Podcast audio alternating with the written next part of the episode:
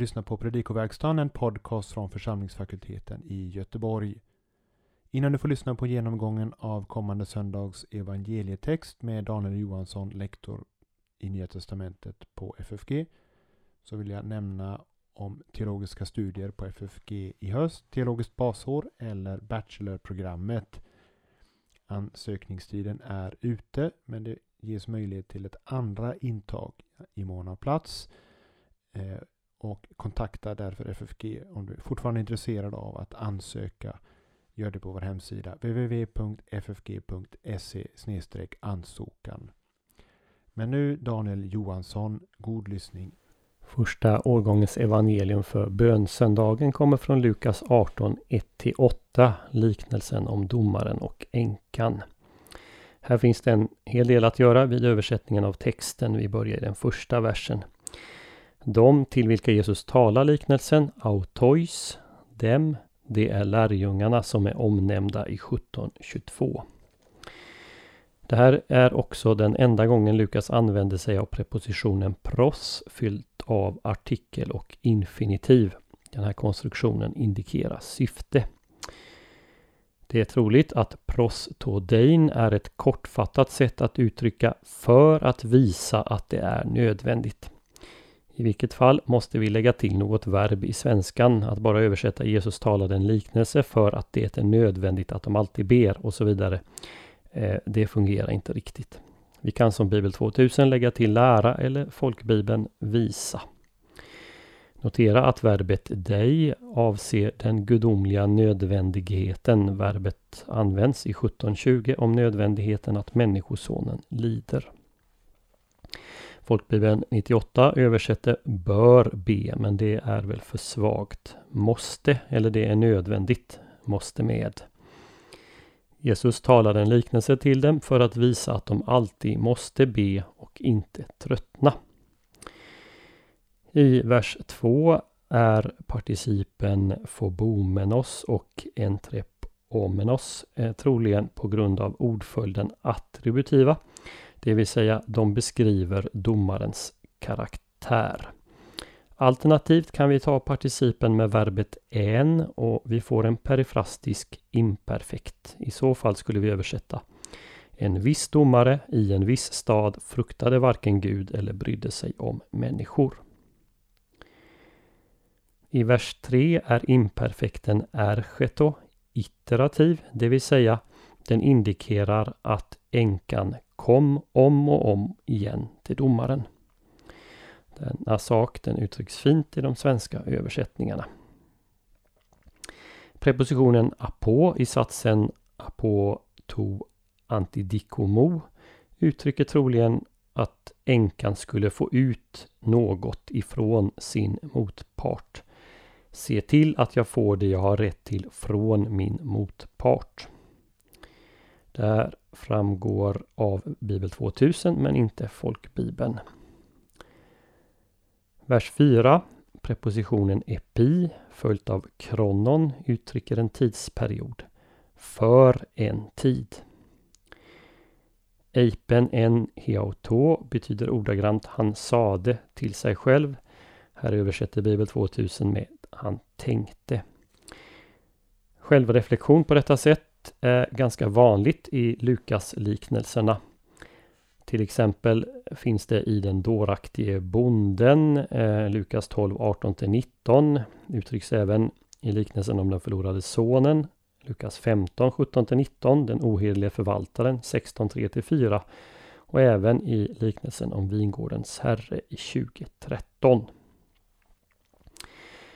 Konditionalsatsen ej, kai, ton, theon och så vidare är första klassens konditionalkass. Villkoret uttrycks med ej följt av ett verb i indikativ och följdsatsen kan stå i alla modus och tempus. Innebörden är att om villkoret är sant då kommer si eller så inträffa. Vi översätter även om jag inte fruktar Gud och så vidare.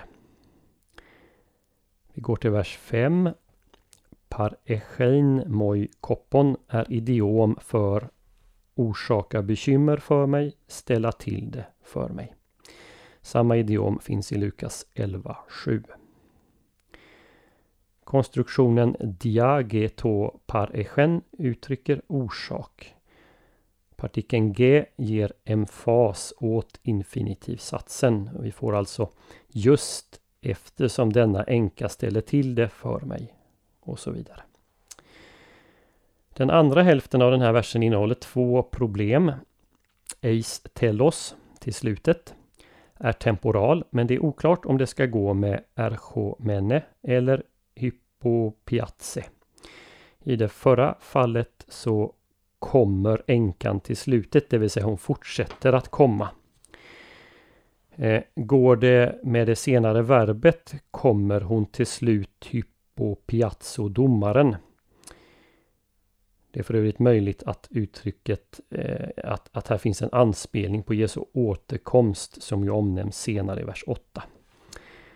Verbet hypopiazzo eh, det hämtas från boxningsarenans svär. Det betyder att slå någon under ögat, att ge någon en blåtira. Men det översätts sällan så. De svenska översättningarna har pina livet ur mig. Eh, men den här svagare betydelsen den finns tydligen inte belagd. Och vi bör nog översätta ordagrant. Domaren fruktar att änkan till slut kommer att ge henne en blåtira. Vers 6. Hokrites tes adikias är en adjektivisk genitiv. Alltså vi översätter inte orättfärdighetens domare utan den orättfärdige domaren, genitiv Eh, det ord som står i genitiv, adikia, eh, fungerar som ett adjektiv. I vers 7, o med poiese, o med följt av konjunktiv i en fråga, är en retorisk fråga som förväntar ett jakande svar. Som är dessutom är helt säkert. Skulle då inte Gud helt säkert låta sina utvalda få rätt? Verbet eh, boao är i Lukas evangeliet alltid ropet från någon som är i nöd. Det kan man se av 9.38 och 18.38. Den sista satsen i den här versen Kai makrothimei ep autois är ett riktigt Krux interpretum. Ordagrant står här Han väntar tålmodigt med dem. Det föreligger åtminstone 12 olika tolkningar av eh, den här satsen. Här listar jag fem av dem.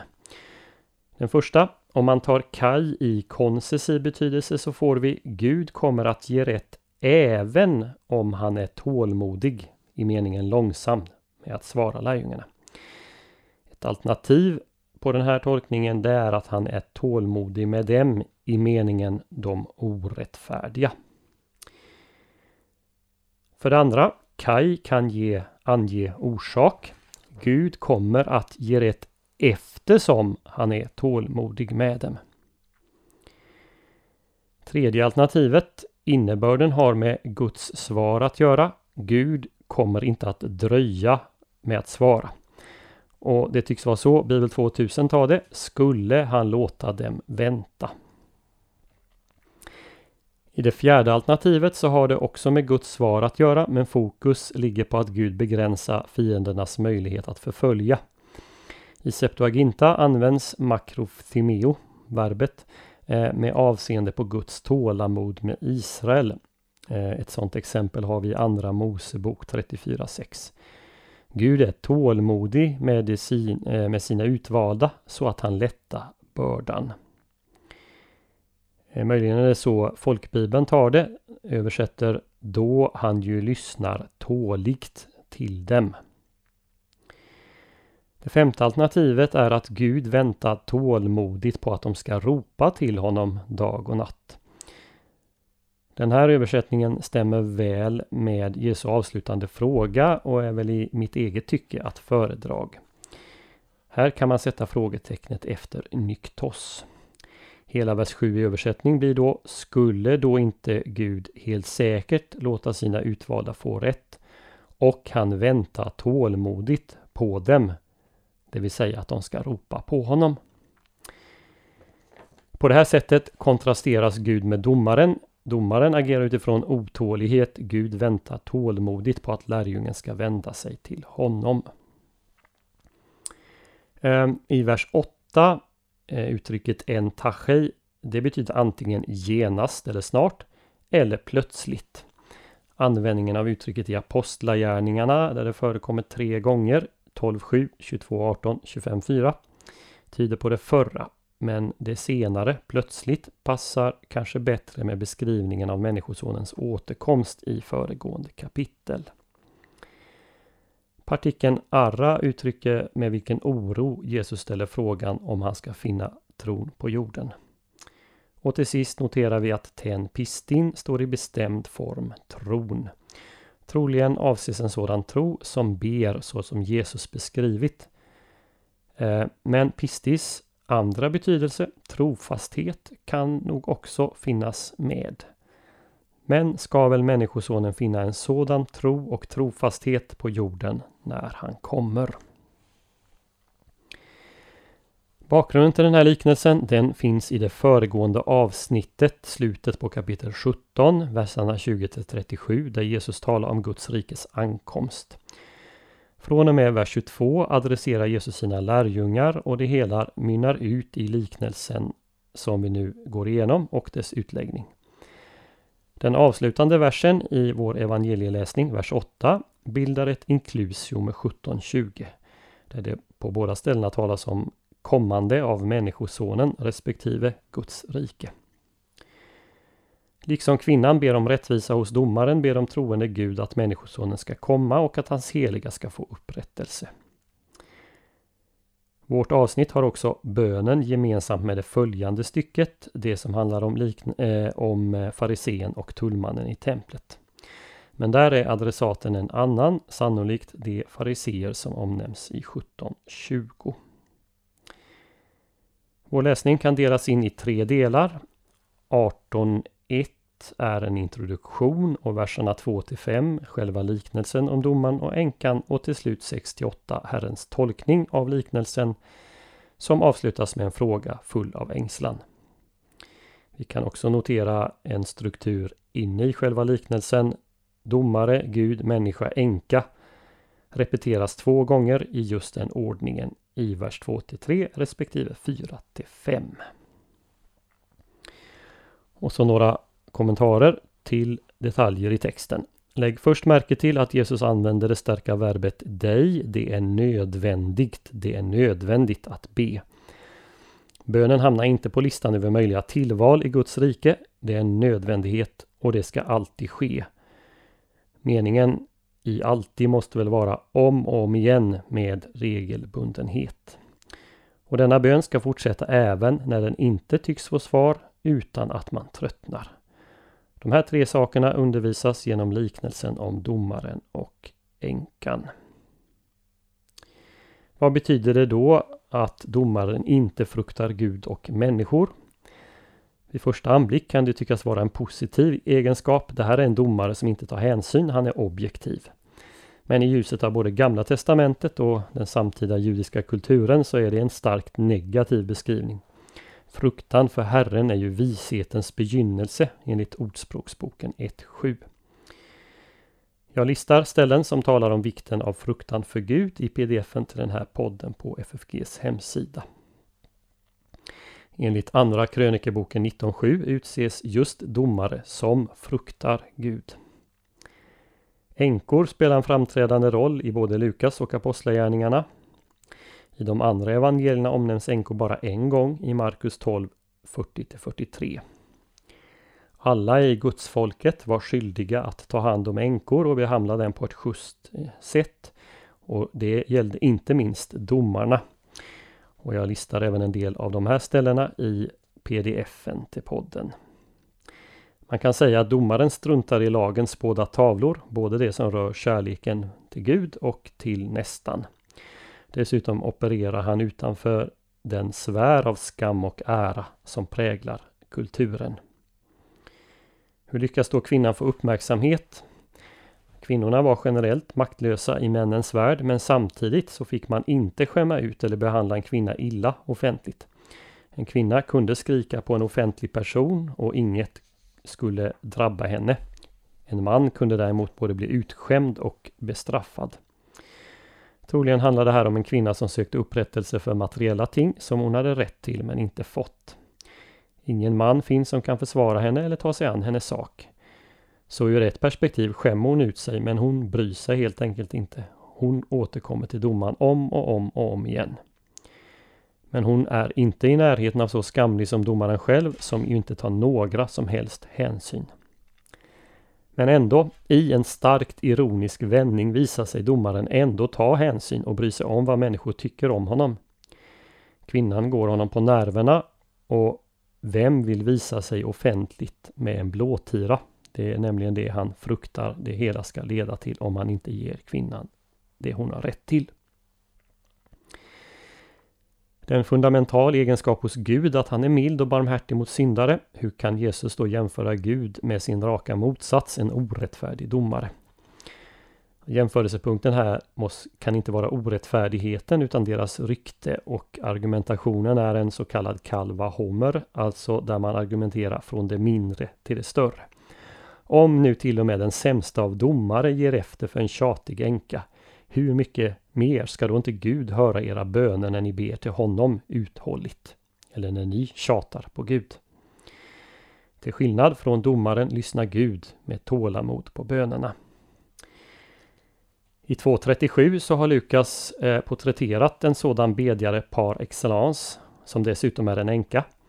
Hanna, som tjänar Gud både dag och natt med fasta och bön finns för övrigt en annan nära parallell i första Timoteusbrevet 5.5. I Lukas evangeliet så inskärps på flera ställen att lärjungen alltid ska vaka och vara beredd. 11.2, 12.35 med flera ställen. Så om en orättfärdig domare agerar som i liknelsen, hur mycket mer ska då inte Gud höra sina barns böner? En lärjunge förväntas be uthålligt och ödmjukt för Guds rikes framträdande i härlighet. Men så undrar Jesus bekymrat, ska han finna några som ber med sådan trofasthet när han kommer tillbaka? Jesu fråga och även hänvisningarna till Noa och Lot i 17.26-30 respektive 32 antyder att de rättfärdiga inte ska vara många när Jesus kommer tillbaka. Till sist finns det också en annan vinkling på liknelsen antydd av orden en tachei. Vi befinner oss ju faktiskt i slutet på Lukas långa reseberättelse. Jesus är på väg till Jerusalem. Guds upprättelse genom Kristi försoning är nära på ett mycket överraskande sätt. Den går genom lidande och kors men utmynnar i uppståndelse. Om Jesus av Gud upprättades på detta sätt på den tredje dagen, då kan hans lärjungar veta att Gud också kommer att upprätta rätta dem.